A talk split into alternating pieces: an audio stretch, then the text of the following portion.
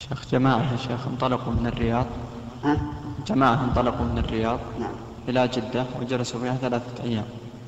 وكانت نيتهم أنهم يذهبون إلى جدة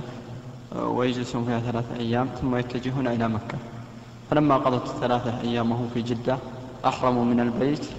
ثم ذهبوا إلى مكة واعتمروا فما الحكم يا شيخ؟ آه، هل نيتهم حين ذهبوا إلى جدة نيتهم جدة ثم إن تيسر لهم أتوا بعمرة لا لا نيتهم العمرة من الأول نيتهم جدة ثم لكن ناوي العمرة في هذه السنة نعم نعم هؤلاء أخطأوا والواجب عليهم آه، أن يحرموا من الميقات ويؤدون العمرة ثم يذهبوا إلى جدة أو إذا انتهوا من جدة رجعوا إلى إلى إلى, إلى أول ميقات مروا من من عنده وأحرموا منه فإذا كانوا أتوا من الرياض الواجب عليهم أنهم لما أرادوا ال- آه، الدخول في النسك أنهم ذهبوا إلى السيل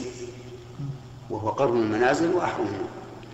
أما والأمر كما قلت أحرموا من جدة فإن العلماء يقولون إن من أحرم من غير الميقات يلزمه دم دم